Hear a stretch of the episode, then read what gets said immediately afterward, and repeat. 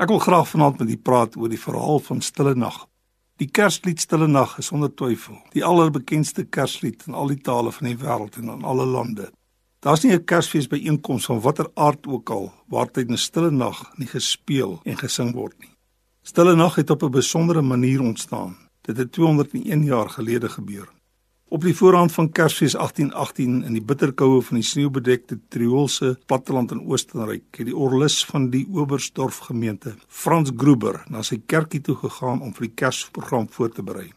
Tot sy ontsteltenis het hy agterkom die orgel stukkend.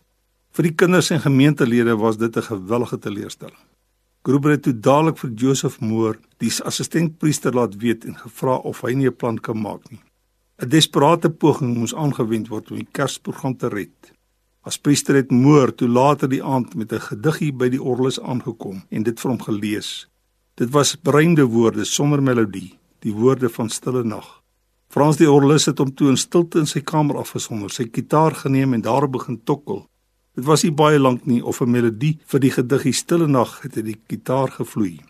Die volgende dag 25 Desember 1818 kon die kinders en die groot mense op gitaarbegeleiding van Frans Gruber die Stille Nag van Joseph Moore vir die heel eerste keer sing. In hierdie lied is daar vir my 'n geestelike relasie tussen stilte en wonder in die wonderwerkinge van God. Dis juis in die stilte van die nag dat God die wonderlike lied Stille Nag, Heilige Nag deur twee mense gekomponeer het.